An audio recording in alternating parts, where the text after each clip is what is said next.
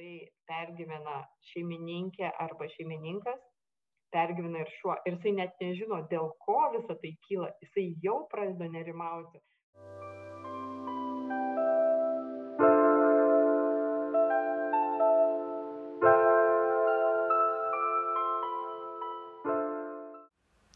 Sveiki, mėly tinklalaidės klausytojai. Čia podcastas AUAU ir šiandien visi kartu nukeliausime į šuniukų viešbutį. Nors kelionės dar tik daugelio svajonėse, šeimininkai tikrai žino tą galvos skausmą, kai tenka kelioms dienoms ar net savaitėms palikti savo augintinį. Kur tai padaryti? Kaip šuniuką pratinti prie svetimos aplinkos? Ir ar viešbutis gali tapti antraisiais namais mūsų augintiniams? Mūsų sekėjų Instagrame prieš įrašinėjant epizodą paklausėme, ar jie yra išbandę pasinaudoti viešbučio paslaugą. Didžiai daliai dar neteko ir viena svarbiausių to priežasčių buvo baime dėl stresuojančio gyvūno. Pasirodo, išeitis gali būti dienos antrai, kitaip vadinami Taip, šunų darželiais, kuriuose šuo paliekamas dienai socializuotis, priprasti prie aplinkos ir užsimti malonę bei naudingą veiklą. Bet ką aš čia pasakoju? Geriau pasiklauso mūsų šiandienos pašnekovas, šuniukų viešbučių kasdienybę pažįstančiai iš vidaus. Tai gyvūnų viešbučio asociacijos direktorė ir Barkvilės gyvūnų priežiūros centro įkūrėja Daina Jarmalavičienė. E, sveiki, Daina. Malonu, kad prisijungėt prie pokalbio mūsų. Mm, kai galvojau pasikalbėti šią temą, aš kažkaip susimašiau, kad šiandien jau gyvūnų viešbučiai ir priežiūros centrai yra gana toks savaime suokiamas konceptas ir jau labai nestebina, e, bet aš galvoju, norėjau pradėti su tokiu klausimu, ar jūs prisimenate tuos laikus, nežinau, ar čia buvo seniai, o gal nelabai, kai e, žmonės vis dar stebino, tas, kad vat, yra gyvūnų viešbučiai. Ar jūs pamenat? Aš labai, labai gerai pamenu tos laikus, nes kai, kai planavau įkurti gyvūnų viešbutį, ar ne, tai tiek daug reakcijų sulaukdavau, nesvarbu kur ten, ar vakarėlėje, bekalbant, ir pasidalindavau tą idėją, kad kuriu, tarkim, įrenginėjau gyvūnų viešbutį, tai būdavo reakcija, kas, ir dar kelis kartus perklausdavo ir sulaukdavau tokių klausimų, o kam to reikia, o iš vis kam nors tokios paslaugos reikia. Aš atsimenu, į mane žiūrėjo kaip kokią baltą varną ir ir aš dar turėjau įrodinėti, kad ta paslauga tikrai reikalinga ir kad mes didelę naudą čia suteiksim, tu prasme, nes nu, žmonės tikrai neturi kur palikti tų gyvūnų, ne tik šunų, tarkim. Tai jo. Ir, ir nebuvo ir, čia taip seniai. Čia buvo prieš penkerius metus, nes Barkviliui jau penkeri metai buvo gruodžio mėnesį. Tai taip, tai prieš penkerius metus ir aš atsimenu netgi, uh, tai tokias dideles reakcijas sulaukdavo, kad jeigu vakarėliuose, tai sakydavau draugams, kad geriau net neminėkite, kuo užsiemu, nes tada visas dėmesys būdavo tik tai man ir tada visi apie tai šneka. Ir sakydavau, kad tik to paliekam šitą temą, žodžiu, jo. O kada labai, labai... prasidėjo jūsų, tada, kaip, kaip jums kilo tokia mintis, jeigu uh, matos, kad aplinka kaip ir bando net atkalbėti, nes maždaug čia niekam to nereikia, turbūt užsienyje gyvūnų viešbučiai daug seniau arba jau galbūt šiek tiek seniau atsirado. Tai kas buvo jūsų tas įkvėpimas, nebijot pradėti?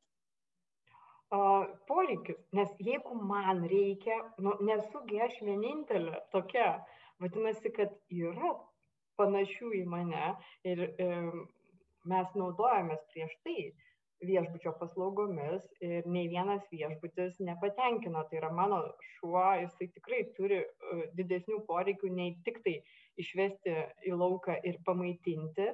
Tai, o nie, niekas iš e, tuo laiku esančių viešbučių nepasiūlė e, dienos užsiemimų arba ten nebuvo e, gebančių, kaip elgtis su jautresniu šuniu, ar ne. Tai man tai netiko. Ir jeigu man netinka, vadinasi, kad ir kitiems tikriausiai netinka. Man atrodo, pačios, atsiprašau, kad pertraukiau, bet man atrodo, pačios ir geriausios idėjos gimsta tada, kai tu kažką vat, sugalvoji sukurti tam, kad tau pačiam būtų kur. Tarkim, ar to šunį uh, padėti, ar kažką. Taip. Tai... Ir jeigu girdžiu iš aplinkinių, kai skundžiasi kažkuo, ar ne, nu, va, ten, tarkim, nėra uh, gero aptarnavimo arba ten nu, kažkokios paslaugos nėra, Tai sakau, jeigu nėra, nu, tai imkite ir darykit. Nu, jeigu jūs e, piktinatės, vadinasi, žinote, kaip turėtų būti. O jeigu žinot, kaip turėtų būti, tai imkite ir padarykit.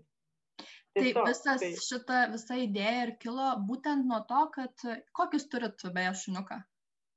Aš mišrūnė iš prieglaudos turiu Pepe ir taip, mes tuomet labai daug keliaudavom ir e, turėjom problemą, neturėjom kur palikti Pepes, nes mūsų tėvai gyvena kitose miestuose toli, tai vežioti tikrai neprivežiosime jau.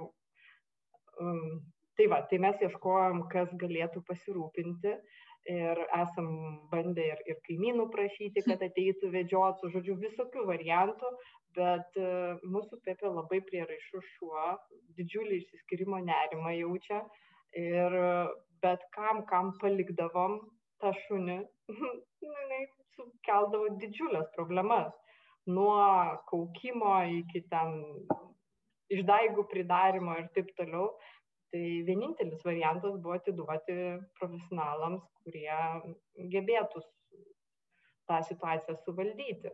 Tai o iš tų profesionalų iš tų viešbučių rinkoje nieko panašaus nebuvo kad kad vat sakyčiau kad ramia sąžine palieku savo augintinį. Tai vat iš tokio poreikio ir paslauga gimė. Va čia tas ramia sąžine man atrodo kai kalbame apie šunų viešbučius vis tiek net jeigu jau ir ta idėja yra girdėta aš pati ir galiu iš savo patirties pasakyt ne grynai savo bet mano mama turi e, mes turim šuniuką taksą dobį ir jai pati yra baisiausia idėja kad reikės jį palikti dėl to jau jinai sau pasakė niekur nekeliausiu niekur nevažiuosiu būsiu su šunimi ir jūs dar irgi sakot kad tikrai kartais kai tu palieki pas draugą pas močiutę tas šuo stovi prie durų, nerimauja, kaukia, nu ir atrodo, o tai kas, kas bus kitaip viešbutį. Tai kaip išsklaidyti tas baimės, gal galit kažkaip padrasinti šeimininkus, kad viskas gerai, viešbutis yra kaip namai iš dalies. A, taip, viešbutis yra kaip namai, tarkim, aplinka jinai gali būti kaip namai, bet dažnu atveju augintiniai, šuniai ne tiek svarbu ta aplinka, kiek tas išsiskyrimas su šeimininku. Ir čia nes, nesmė yra, kad, kaip čia pasakyti, kas jį prižiūrės, ne? Šuo jaučia išsiskirimo nerimą. Net jeigu jisai bus namuose, ateis vedžiotojai kaip pavyzdys, bet šuo jaučia jau, kad va, šeimininkas išvyko, nežino, ar jisai grįž, negrįž, kada grįž ir taip toliau. Ir va, su tuo kyla stresas, tam tikri elgsenos pakitimai. Tai kodėl sakau um, profesionalams, tai yra tie žmonės, kurie žino, kaip jam padėti, ar ne?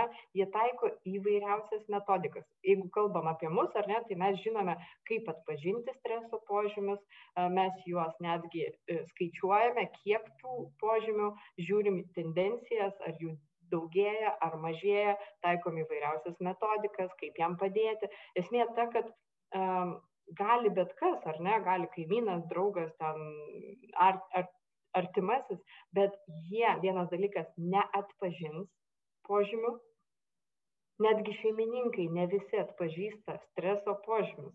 Mm. Ir tuo labiau jie nežinos, kaip padėti. Vien tik glostimas, kalbinimas, nu, tai yra nu, labai kaip pasakyti, priemonės, kurios neveiksmingos, žinokit. Tai, tai iš tiesų. Aš sakau, kad mhm.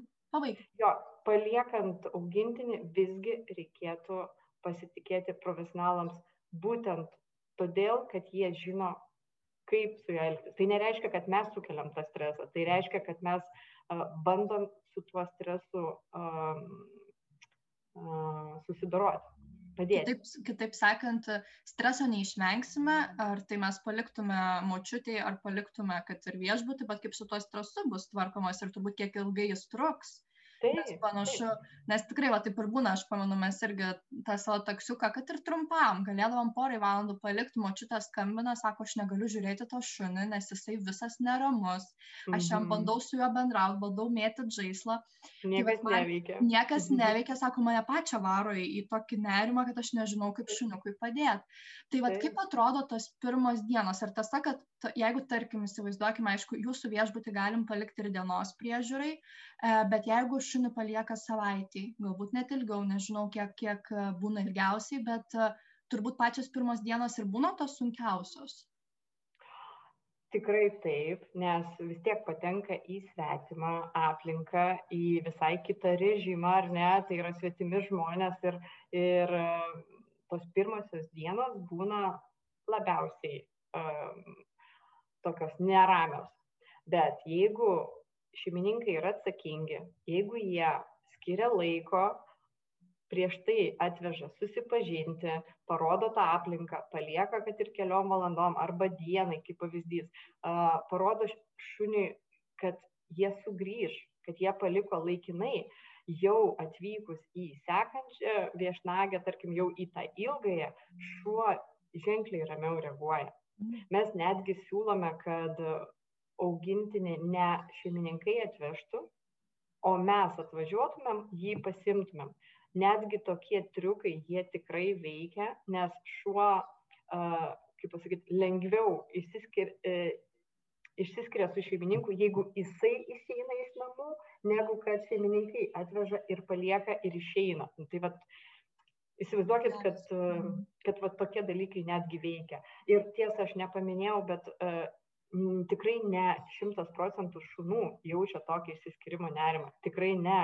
Yra šunų, kurie atvažiuoja ir jie tiesiog, paminėsiu žodį, kaifuoja nuo šitos visos aplinkos, nuo dėmesio, nuo kitų šunų, nuo ten skanėstų, žaislų. Jie tikrai, vat, kaip atostogose. Bet mhm. yra tokių, kurie yra vadinami mamičiukai kurie yra prisirišę. Tai vad skirtingi, ai, tiesa, yra šunų, kurie apart savo kiemo nematė pasaulio. Tai tokį išvežti iš jo aplinkos į, sve, į naują aplinką, tai čia nesvarbu kur, jeigu ir kraustimasis būtų, net jeigu su visa šeima kraustas ir su šuniu, šuo, šuo jau reaguoja, tai įsivaizduokit, kad jisai taip pat reaguos ir viešbutyje. Tai žodžiu, čia yra labai labai skirtingos šunų e, reakcijos pagal tai, kiek jie yra socialūs, kiek jie yra prisirišę prie šeimininkų ir taip toliau. Bet jeigu prieš viešnagę pasikonsultuotų su profesionalu, papasakotų a, apie savo šunį, a, mes užklausiam, duodam tam tikrus nukreipiamosius klausimus ir mes jau daugmaž galim a, prognozuoti, kaip reaguos šuo. Tai va, tai atsakingas šeimininkas gali tiesiog prieš tai pasidomėti dar vat man labai patiko ir gal norėtųsi net užfiksuoti tą pasiruošimą iki viešnagės ilgesnės pas jumis. E, mhm. Minėjot, kad netgi rekomenduotumėt atvažiuoti ir pabūti šuniukui prieš tą ilgą viešnagę. Gal yra dar kažkokių patarimų, ką reikėtų, kam pasiruošti, galbūt kažką pasimti. Na, žodžiu, jeigu dabar žmogus niekada nebuvęs šuniukų viešbutėje, nuspręstų vat, palikti porai dienų ar savaitį šunių pas jumis. Mhm aš gal išvis papasakosiu apie tas vat, palikimą keliom valandom prieš viešnagę, e, kai pas mus pačioje pradžioje, tarkim, nebuvo to dienos centro ar kitaip vadinamo darželio, bet kai pastebėjom, kad atvežus šunį, kad ir keliom valandom prieš viešnagę, šuns elgsena būna ženkliai ramesnė. Tai yra tas stresas jisai ženkliai mažesnis, jeigu jau būna susipažinęs su personalu, su aplinka ir taip toliau. Ir kadangi vienas augintinis, kitas augintinis, trečias augintinis gavosi, kad jau pas mus tas, ta, ta paslauga, jinai natūraliai gimė, kad mes jau jį pavadinom kaip ir dienos centrą, todėl kad yra poreikis. Žmonės tikrai rūpinasi savo šunimis e, ne nesakau kad visi bet jau daugėja kurie rūpinasi ir jie tikrai nori kaip ir vaikus į, į darželį kai vežam truputėlį papratinam ar ne ten keliom valandom vežiojam tik paskui jau visai dienai tas pats yra ir su šunimis. Tai ką mes dėl jo galime padaryti? Tai tikrai pirmiausia atvežti susipažinti palikti keliom valandom ar dienai. Kitas patarimas yra apriboti šiek tiek prieš jau ten išsiskyrimą ar ne parą tarkim apriboti savo dėmesio nes ką daro dauguma šeimininkų klaidingai tai prieš išsiskyrimą a, ilgi apsikabinimai a, skanėstų ten dėmesio dar ir susigaudina vargšas tu mano emocijas. Svarbiausia yra savo valdyti emocijas, nepasiduoti, nes augintinis labai jaučia, jaučia šeimininko emocijas ir jeigu tik tai pergyvena šeimininkė arba šeimininkas, pergyvena ir šuo. Ir jisai net nežino, dėl ko visa tai kyla, jisai jau pradeda nerimauti.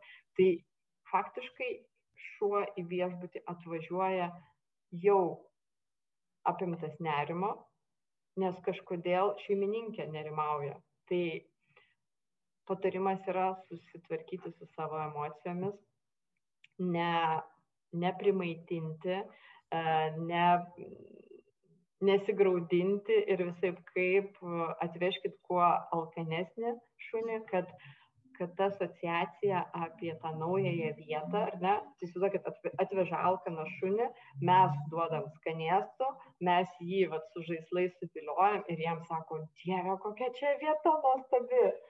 O, o kitas variantas, kai ateina susigraudinusi šeimininkė, atveža šunį, kuris jau vos paeina, nes gavo prieš tai kotletukų, tai tokiam siūlik nesiūlės nei jisai nori žaisti, nes jam graudu, o ne, o ne žaisminga nuotaika, nei jisai nori skanuko, nes jisai visiškai nealkanas yra. Tai va tokiu atveju išvesti iš stresinės situacijos, jį sudominti, užmėgsti su jo ryšiu, mums sekasi sunkiau. Taip pat mm. šeimininkai šiuo atveju galėtų mums padėti ir pagreitinti visą tą adapta, adaptacijos periodą. Ar yra kažkoks laikas, kuriam jau būtų per ilgai palikti šunį pas jumis? Kas yra rekordininkas jūsų atostogos? atostogos? O, mhm, pas mus, žinokit, pusantro mėnesio, man atrodo, buvo ilgiausia, ilgiau pas mus nebuvo o, o, palikę šuns. Katė jo, kad katė yra jau ir porą mėnesių, ar net tris dabar galvoju katės, žinokit, joms atrodo, kad, žinokit, e, laikas nesvarbu. Tai yra, kuo ilgiau, tuo geriau jaučiasi pas mumis. Jos kažkaip pripranta prie tos aplinkos ir um, diskomforto nejaučia. Gali ir metus tikriausiai gyventi ir joms visiškai uh, tinka, patinka su šunimis, žinokit, sunku pasakyti, bet.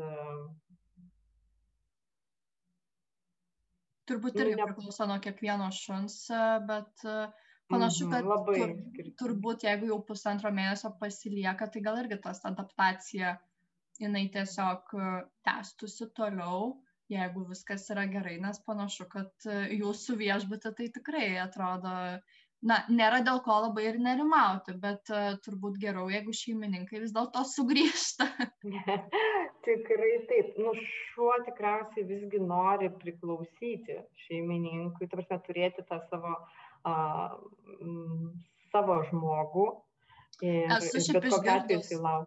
Esu mhm. išgirdus tokį iš vieno kinologo pasakymą, kad e, šiek tiek tas ištikimybės toks klausimas yra labai slidus, priklausoma, kieno rankoje yra dubenėlis maisto. Tai mhm. čia irgi mhm. turbūt yra visokių nuomonių, ar šuo išsirenka tą vieną žmogų, o galbūt viskas yra šiek tiek paprasčiau ir tikrai galbūt tas, kas maitina, tas, kas suteikia pastogę e, ir yra tas šeimininkas, nes netgi buvo, man atrodo, nežinau, ar atliktas tyrimas, ar buvo tiesiog daromas šiaip tarp, tarp vat, aš dabar galvoju, ar tas kinologas man pasakoja, bet žodžiu, kad e, buvo du, e, du žmonės, vienas šuo e, šeimininkas atidavė trumpam, galbūt savaitį ar pusantros pasaugoti tą šunį ir po to, kai jau susitiko su tuo senuoju šeimininku, mhm šuo ne, nebėgo pas jį, nes, nu, čia dabar mano yra tas, kuris mane maitino.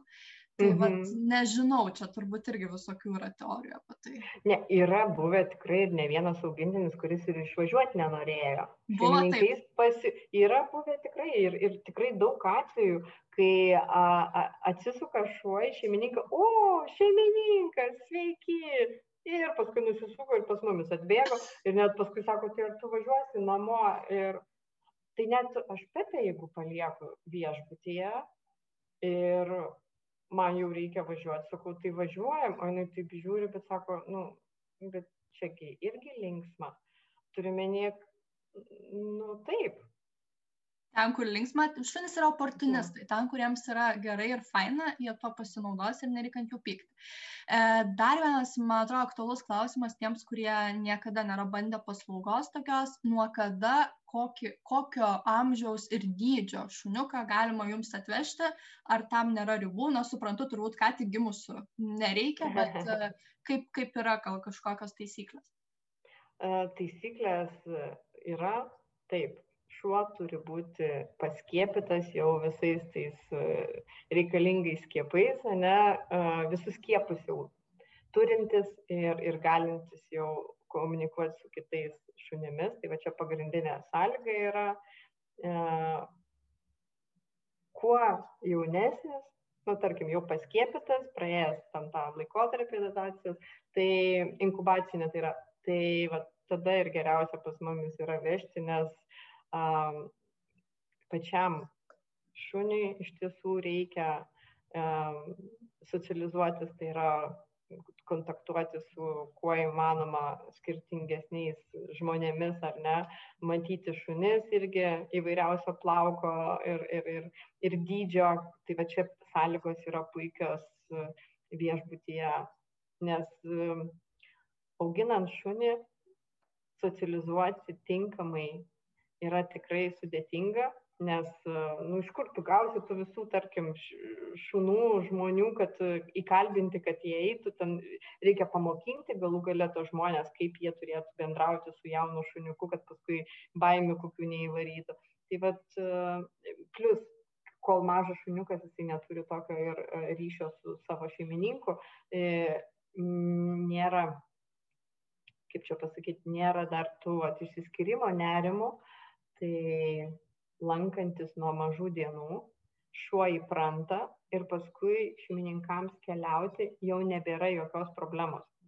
Mm. Tas viešbutis pasidaro kaip antri namai, komanda tai yra irgi kaip antra šeima ir viskas yra labai įprasta, jokio streso keliaujant nebelieka, tai tiesiog yra atvežama mhm. į viešbutį sudėtingiau galbūt yra su augintiniais, kurie jau yra seniorai, kurie jau turi susiformavusius įpročius ir jiems jau pakeisti aplinką galbūt jau e, psichologiškai yra sunkiau. Bet aišku, teisingai įvedant po truputį įmanoma ir su jais.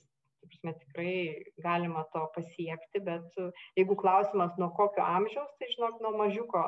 Aš jeigu antrą šunį turėsiu, tai tikrai nuo mažumės pratinsiu prie e, viešbučio aplinkos, prie tos rutinos, kad jisai gali būti tiek namuose, tiek gali pasilikti. Tai, žodžiu, jo. Ar aš išgirdau, kad planuose yra antras šuo? Aš žinok, nu visą laiką pagalvoju, kad e, be šuns aš tikrai nebūsiu ir kad, nu, Pepe nebus amžina, ar ne, kažkada tai mums teks atsisveikinti, tai visą laiką ta, bet mintis kirba, kad kad reiks papildymo. Kad reiks, taip, taip. Ir aš galvoju, ar tas vat, papildymas galbūt netgi būtų naudingiau man turėti e, vieną, m, kaip pasakyti, vieną šalia kito, kad nu, nebūtų to tokio labai didelio e, ir man išsiskirimo e, nerimo, kai, kai pepės nebeliks. Tai va, tai aš galvoju, kad galbūt reikės pagalvoti apie tai yra taip sakoma, kad po dviejų šunų jau nebėra skirtumo, kiek jau turi, ar, taip, ar tris, ar penkis. Tai čia tas, tas lengstis nuo pirmo iki antro toks sunkus, o po to tai jau.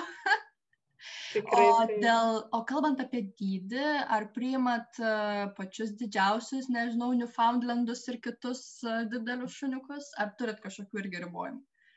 Ne, neribojam, tik tai ribojam agresiją. Tai prasme, jeigu šuo e, yra agresyvus žmogui, tai mes tiesiog esam priemusios tokią taisyklę, kad mes negalim priimti, e, būtent dėl, dėl darbuotojų saugumo ar ne, ir, ir dėl kompetencijos. Visgi su agresyviais šunimis turėtų dirbti jau uh, dresuotojai, elgsenos specialistai, ta prasme, jau turi būti tam tikra kvalifikacija Ar taip nusprendėt, ar buvo kažkoks įvykis, ar jau iš karto, nes panašu, kad nu, tikrai kartais negali net ir žinoti, kad agresyvus mhm. šuo yra iš tiesų agresyvus ir galbūt netgi jį sutrigerina tik tais buvimas jau viešbutė, ar buvo kokiu nors tokių kuriozų, kur netikėtai išlindo šuns agresija?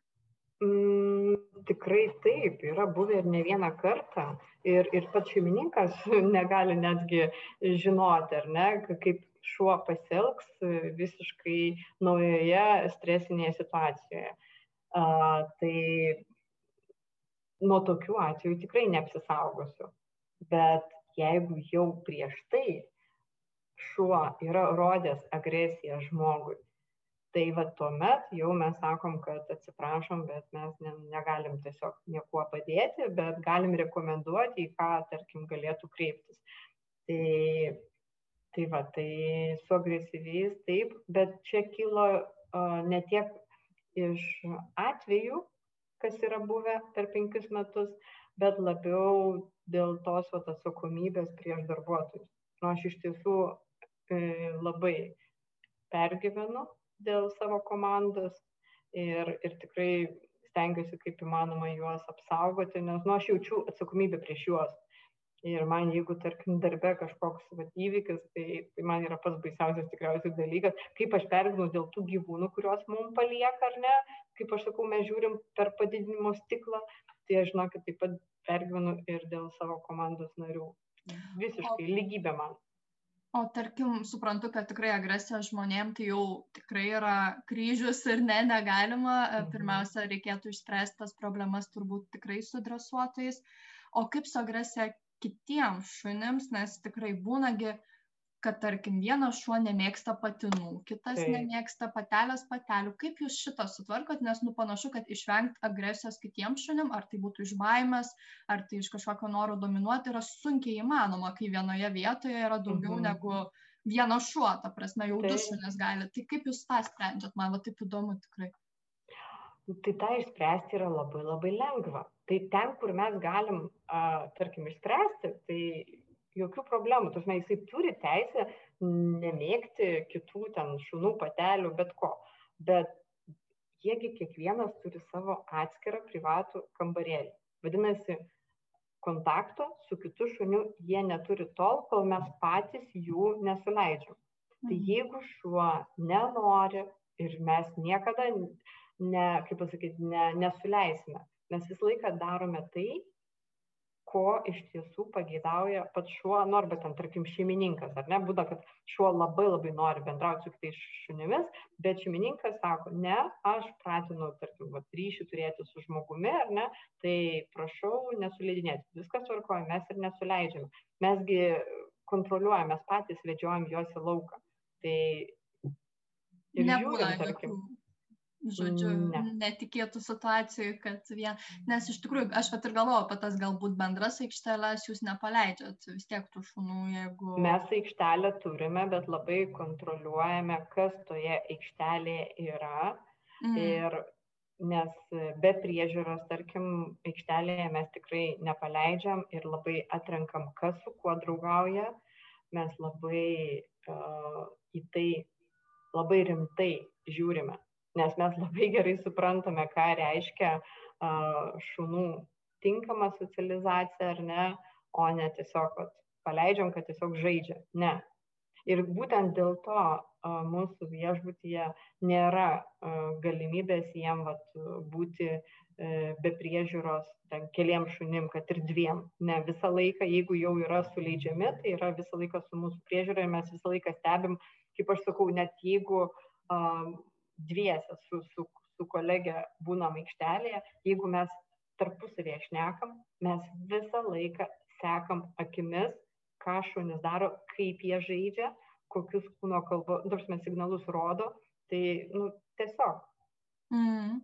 E, kalbant apie tą vat, stebėjimą, tai turbūt tai išugdytai akiai, nu tikrai ją reikia arba išsugdyti, arba jau būti profesionalu gyvūnų priežiūros specialisto. Ir man įdomi ta tema, kad ne tik šunų viešbučių, bet ir, tarkim, šunų vedžiojimo paslauga yra vis labiau populiarėjanti. ir nors iš pirmo žvilgsnio jai kaip ir nereikėtų atrodo jokių žinių žinau kad jūs manote priešingai ir netgi su ta idėja jog reikia gyvūnų priežiūros specialistam būti išmanančiam tam tikrus dalykus e, sukūrėte barkvilio akademiją ir e, joje siūlote seminarus bei mokymus profesionaliai gyvūnų, gyvūnų priežiūrai. Tai galbūt galit papasakot, kodėl jums tai atrodo svarbu, nes, sakau, iš pirmo žvilgsnio atrodo, o tai ką čia reikia žinoti? Mhm. Kaip kilo ta idėja, tai buvo kelios priežastys, tai nebuvo ta viena vienintelė, bet tu teisingai sakai taip. Vedžiotojai irgi turi nusimanyti, ką jie daro, ir didžiu, didžiulė yra bėda, kad e, atrodo, kas tai yra, ašgi turiu šunį, aš žinau, kaip jį prižiūrėti, tai aš taip pat žinosiu ir kito šeimininko, tarkim, kaip prižiūrėti šunį. Nieko panašaus. Kas e, akademijoje yra pas mus mokėsi, ten šunų arba kačių priežiūros, tai testo rezultatai parodo, kad iš tiesų tos žinios e, nelabai atitinka, prasme, nėra taip jau gerai išmanančios, ką reikėtų daryti. Ir tų situacijų yra tiek daug, reikia tiek daug žinoti, norint sklandaus darbo, kad nedaug dievė ne, ne, neatsitiktų kas nors su svetimu augintiniu. Tai aš netgi žinokit siūlyčiau jeigu neturit žinių geriau tuo net neužsiimkit nes e, atsakomybė yra labai didelė. Mm. ir šeimininkų reakcija į problemas yra netgi aštresnė negu kad būtų tai su vaiku.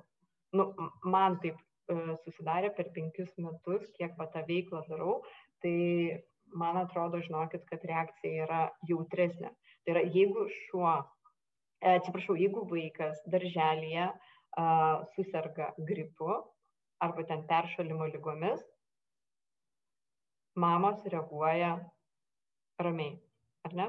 Įprasta, darželis susirga. Jam, taip, taip, taip. Ir jeigu um, ten kokių utėlių pasigauna, ar ne, tai irgi, nu tai, tai yra tiesiog įprasta. Nu, neįprasta, tai yra šlikštu, bet... Bet taip nutinka. Bet, ir, nu... bet į teismą nepaduos nei darželio, nei mokyklos, teisingai? Nu, negirdėjau. taip tai žinokit į šunų ar ten kačių priežiūrą, jeigu peršalo, tai yra prižiūrėtojo kaltė, ar ne, jeigu erkė pasigavo prižiūrėtojo kaltė, jeigu ten šunidžių kosulys, tai yra prižiūrėtojo kaltė. Žodžiu, viskas yra prižiūrėtojo kaltė. Ir paaiškinti, kad nuo to apsisaugoti prižiūrėtojas niekaip negalėjo, ta, ta, tos apsaugos turėtų būti ten šeimininkų. Tai va tokios yra reakcijos. Tai o kaip manot, kodėl? Kad... Man taip dabar įdomu, kodėl taip um, jautriai reaguoja. Ar dėl to, kad šunės priešingai nei vaikai atrodo tokie bejėgiai, negali nieko iš vis pasakyti ir kad čia visiškai nuo jūsų priklauso, bet iš kitos pusės juk visko gali nutikti. Um, būtent visko gali nutikti ir aš manau, kad uh,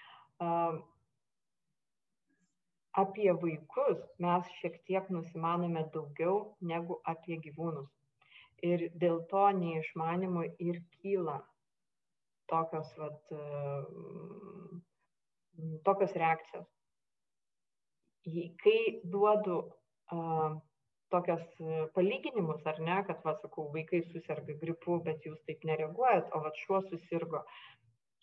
Ir net vaikas gripu susirgęs arba peršalimo lygom, mes taip nepergyvenam, kai šuo pradeda kosėti. Nes nežinom, ką daryti, kur kreiptis, kiek tai tęsis. Dėl taip, ko tai ir... galėjo nutikti, galbūt dėl to, kad jūs tiesiog net pasirūpinot skiepais nuo šunidžių kosulio, kurie yra geriausia taip. prevencija, o ne dėl to, kad būtent viešbutį kažko taip. nepadarė.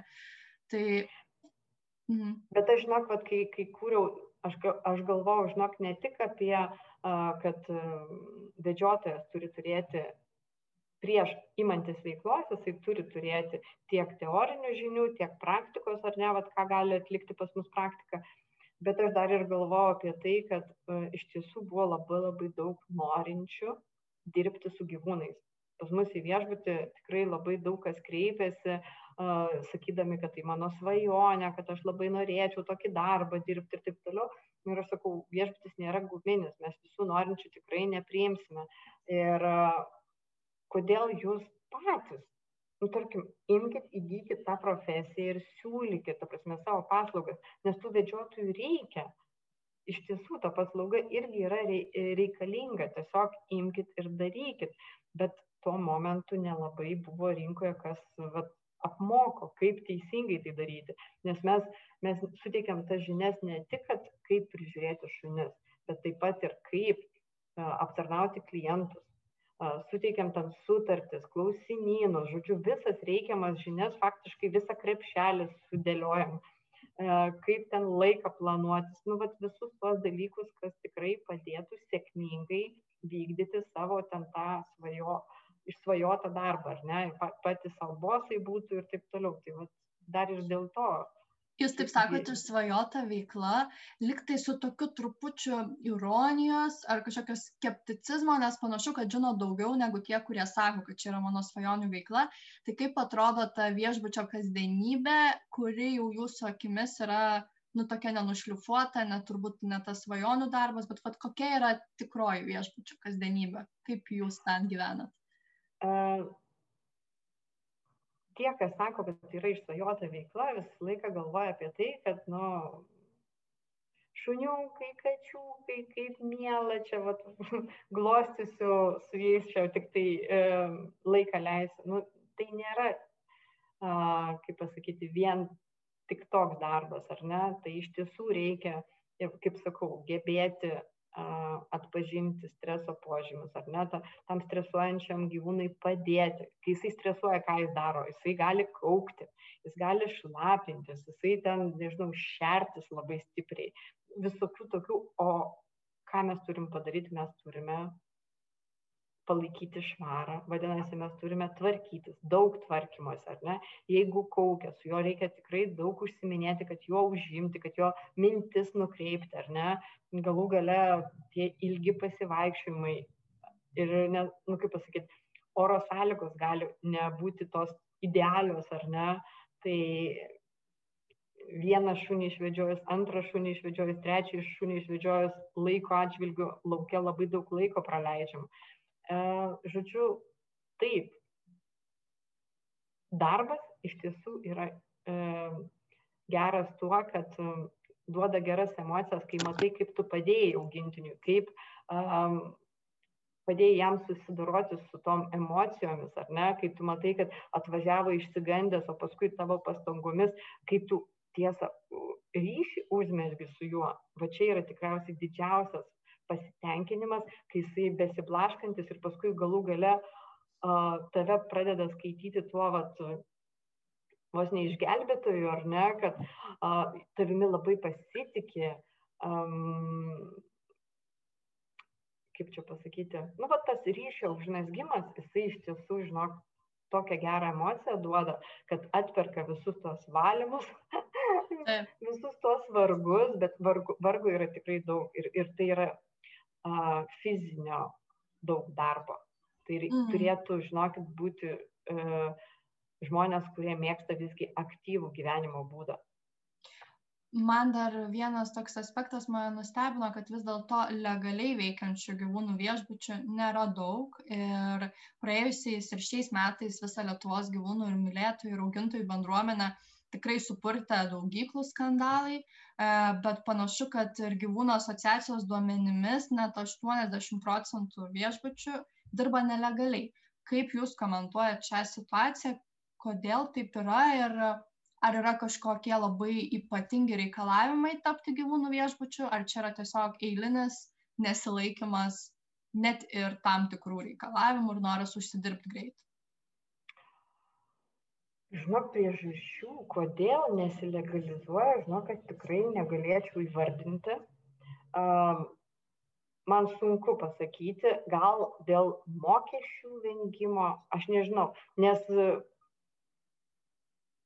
kai reikėjo gauti vmvt leidimą veiklai Nu tai be abejo, tai yra popierizmo. Nu tarkim, ne tai, kad popierizmo, bet reikia atitikti tam tikras sąlygas, ar ne, reikėjo pritaikyti patalpas tam, reikėjo patikrinimą praeiti, ar ne, pastabas gavus reikėjo ištaisyti tas visas, ne, tos visus netobulumus, kaip aš sakau, kad gauti tą leidimą. Ir m, periodiškai būna patikrinimai, kaip pavyzdys. Tai yra, yra ką paveikti, bet, nu, bet iš vis vykdyti veiklą be leidimų, nu, aš tada, iš, nu, ne, aš tiesiog man tai yra protu nesuvokiama aš taip nedaryčiau ir kodėl kiti daro žinok negaliu pakomentuot nes aš nesuprantu man tai Mhm. yra nesuprantama tai Bet tikrai labai didelis kiekis, ne mažoji dalis, nes dabar, kiek suprantu, yra tik šeši uh, oficialūs šunų viešbučiai. Mm, ne tik šeši yra mūsų asociacijoje.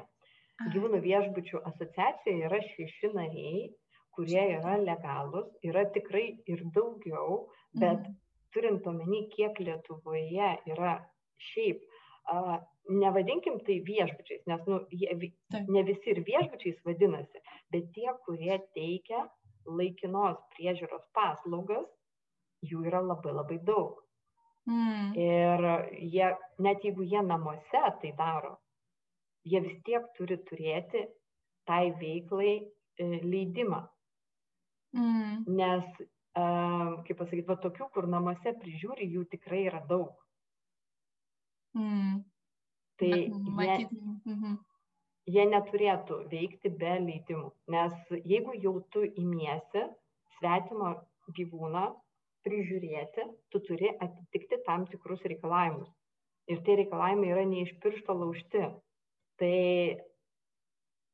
Mm. turėtų turėtų legalizuotis tokiu būdu Kalbant apie jūsų viešbučio veiklą jau penkerius metus, ne viešbučio, atsiprašau, priežiūros centro, nes siūlote daugiau negu tik viešbučio paslaugas, tai kas per tos penkerius metus, su kokiais didžiausiais iššūkiais susidūrėte ir kokias didžiausias pamokas išmokote e, per šį laiką?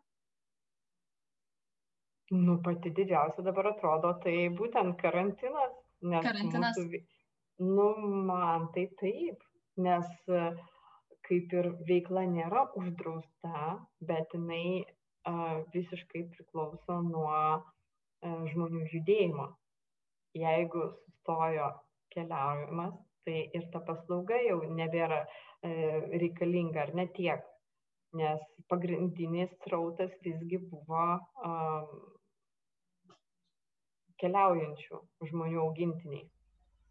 Mm. aišku galbūt ir mūsų ta komunikacija nebuvo labai gera nes mes iš tiesų tai e, naudingi esam ne tik tai kada žmonės išvyksta kažkur tai atostogauti ar ne bet ir tom pačiom vat problemom sveikatos problemom. Kas į ligoninę atsigulė ar kas į kokią sanatoriją dėl dėl reabilitacijos važiuoja a, pas ką a, remontas namuose veža augintinius pas mus ypatingai kates ar ne nes jeigu kapitalinis remontas patys išsinuomavo butą persikelt o nuomotam bute neleidžia su augintiniais kaip pavyzdys ar ne. Tai yra mm, daugiau variantų kada mes esam reikalingi bet bet taip kažkaip nuo nuo pat pradžių suformavom tokią nuomonę kad va tiktai e, išvykstant esam naudingi atostogų metu tai vat ir ir ir ir gavosi tas karantinas mums pats didžiausias iššūkis visiems viešbučiams e, gyvūnų. Ar pamažu at- matosi atsitesimas ar nelabai? buvo tokio kad kaip tai?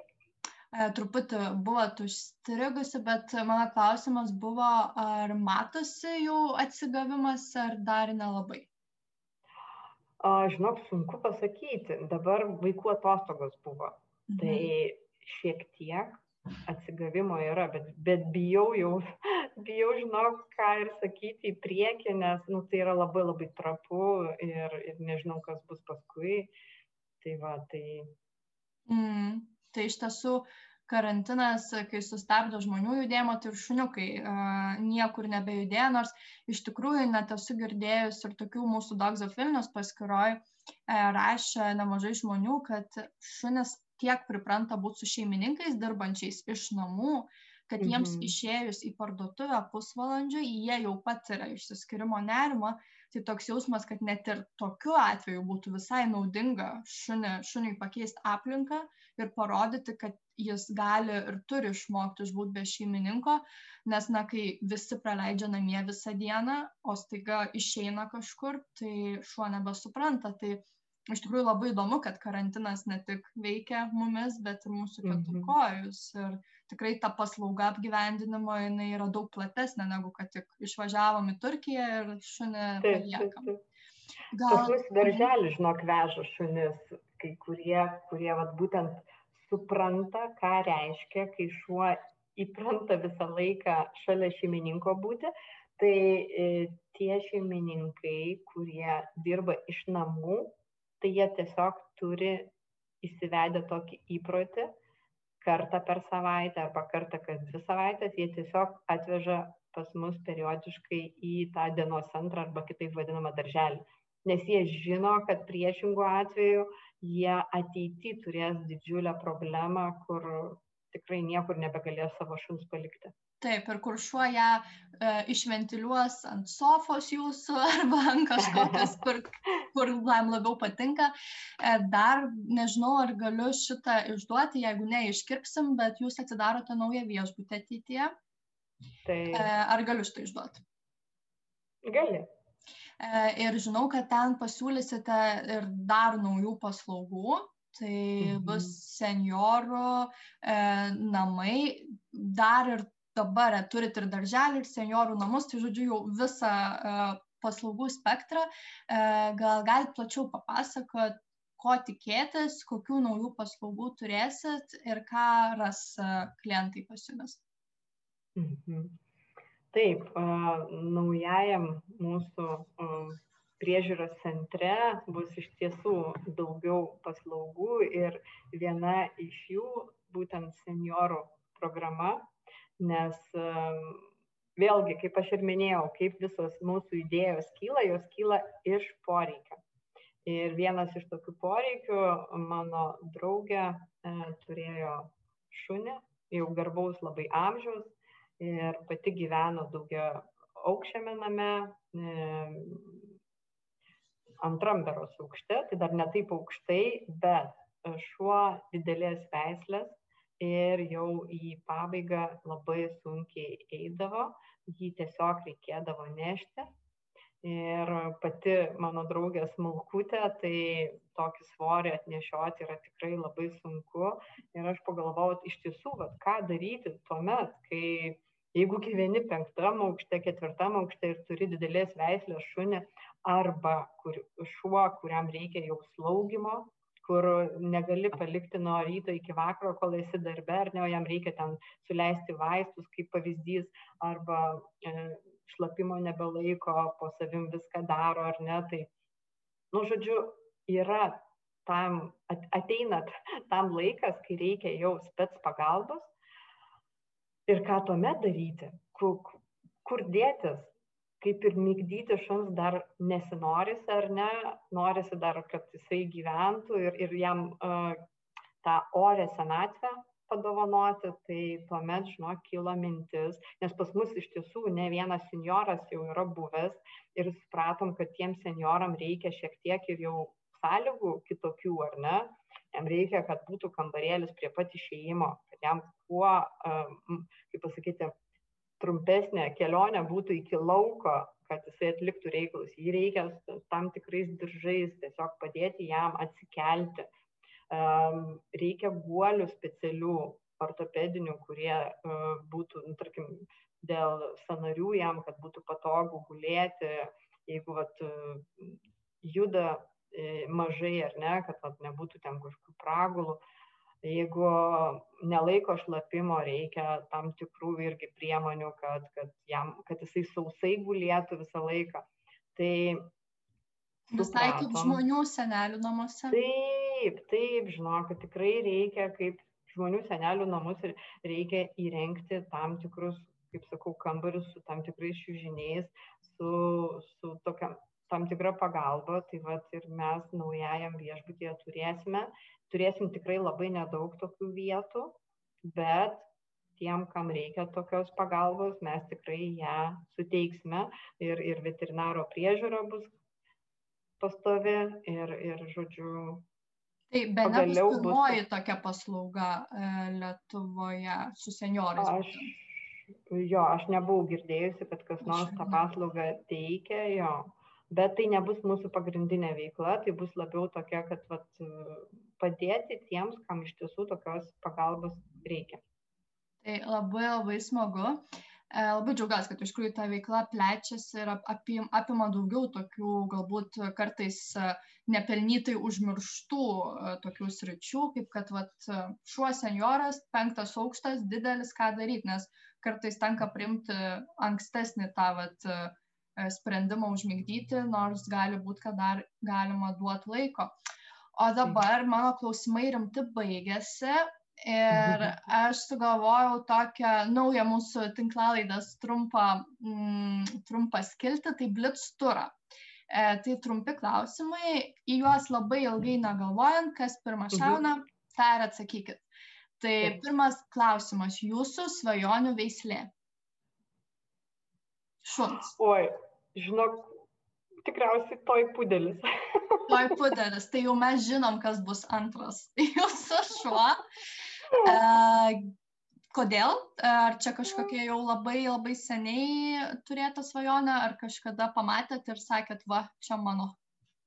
Nežinok, nei, nei išvaizda man tai jų nepatinka, bet, žinok, tiesiog žinant mano charakterį, žinok, aš pasirinkau vat, būtent šitą veislę. Jeigu, jeigu apie grožį, tai tikrai nėra tai svajonių šuo, bet uh, aš priemiau pagal mano... Geras. Uh, jo. Tai panašu, kad čia mano šuo būtų. Tai labai linkiu atrasti. Tada pirmasis jūsų turėto šuo. Oi, anglų seteris. Geras. Ar čia buvo dar e, e, jau čia jūsų, ar šeimos, tarkim, vaikystėje? Čia buvo specialiai man nupirktas, bet ne pagal mano prašymą ir, ir tai mano, žinok, gyvenimo trauma buvo, tai jo, aš turėjau. Kas nutiko, anglų seteris nebuvo anglų seteris geras? O jisai buvo grinas anglų seteris, padovanotas 11 e, metiai mm. Kuri turi žiauriai didelį atsakomybės jausmą, bet uh, jokių galimybių medžioklinį šunį būte laikyti, turiu menį, aš tiesiog negebėjau patenkinti jo poreikių ir tai buvo patys sunkiausi mano metai. Geras, nelabai geras, bet uh, už, iš to gal užsigrūdinat ir dabar uh, už tą turit viešbutį šuniukų. Taip. Draugiškiausia. kad pamokos, pamokos, jo, iš jų ir mokomasi. Taip, klausau. Draugiškiausia sutikta veislė arba galbūt net konkretus šuo. Nežinau, bet draugiškiausias, kas jūsų būtų nuomonė? Mm, geras klausimas, žinau, karalius. Veislė. Tada. Aha spanieliai. Mhm. Nu, jie visada džiaugiasi ir tokie mhm. pasiruošę eiti kontaktą. Aš tai turbūt būčiau sakius labradorai, bent jau iš mano. Žinok, su labradorais buvo visokių. Buvo. Tai dėl to, mm. mm, jo, jo, jo, buvo visokių. O, o tie karalius panėlio, tai. Visi, ne? Visi. Mhm. Jei reikėtų rinktis didelės ar mažos veislės šuo? A, jau žinok, imčiau mažos. Mažos. Nu, toj pudelis jau kaip mhm. ir pasufleravo atsakymą. Kuris e, daugiausia kuriozų viešbutėje sukėlė šuo? Daugiausiai kuriozų. Kažką sugriaužė, kažką padarė, gal pabėgo, gal ne, o gal ne. Gal šuo, kuris mus žymėjo. Tai yra kiekvieną komandos narį jo, pakeldavo ant mūsų koją, kad grinai čia yra mano.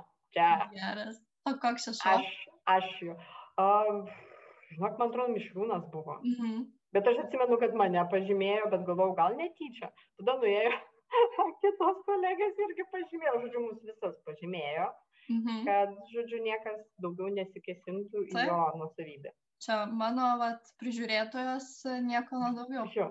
Arba mes čia taip traktuojam jo elgseną, gal elgsenos specialistai pasakytų, kad čia jo buvo visai kitas e, motyvas, dėl ko jisai tai darė. Taip. Bet mes įvardinom, kad jisai taip mus pasisavino. Ir paskutinis, e, kokio dalyko išmokė darbas su šunimis? Nu, čia toks jau nelabai blitz, čia jau toks gal ir galit sunkesnis klausimas, bet tikiu, kad daug dalykų išmokė darbas su šunimis, bet kas jumis galbūt labiausiai paveikė gerąją to žodžio prasme? Mm, kas gerąją to žodžio prasme? Man labiausiai tai, kad aš vis dar uh, stebiuosi, kiek daug mes apie juos nežinome ir mhm. kiek mes daug klaidingai manėme, prasme, kiek, kiek daug mes klydome ir, ir tai atrodo, kad nu, kuo, kuo daugiau um, ieškai tos informacijos, tai ir jinai kintanti ta informacija, vieną kartą vienaip, kitą kartą, nu, vien žodžiu, man, man čia yra kažkoks uh, gudus miškas, kur atrodo, kuo, kuo gilin, tuo daugiau tų medžių. O, o šiaip uh, darbas su šunimis, su gyvūnais, ar ne? Žinok, ne, ne, neatsakysiu taip greitai, bet labai daug ko išmokino. Tai jeigu paimti mane prieš šią veiklą ir dabar, tai yra kaip diena ir naktis. Geras. Pačią asmenybę labai pakeitė. Aha. Tai labai ačiū už pokalbį, Daina. E, buvo labai malonu. E, tikiuosi, kad tie, kurie nežinojo arba tie, kurie bijojo e, savo šuniukus atvežti šuniukų viešbutį arba kačiukus, tos pačius, galbūt ir tokių turim klausytojų, tai labai tikiuosi, kad nebebijos, nes panašu, kad bijot nėra ko, nebent, kad jūsų šuo nebenorės grįžti pas jumis. Bet turbūt, turbūt su tinkamais skanukais ir tinkamais žaisliukais prisikviesti. Tai ačiū labai už pokalbį. Ačiū tau, Gabija.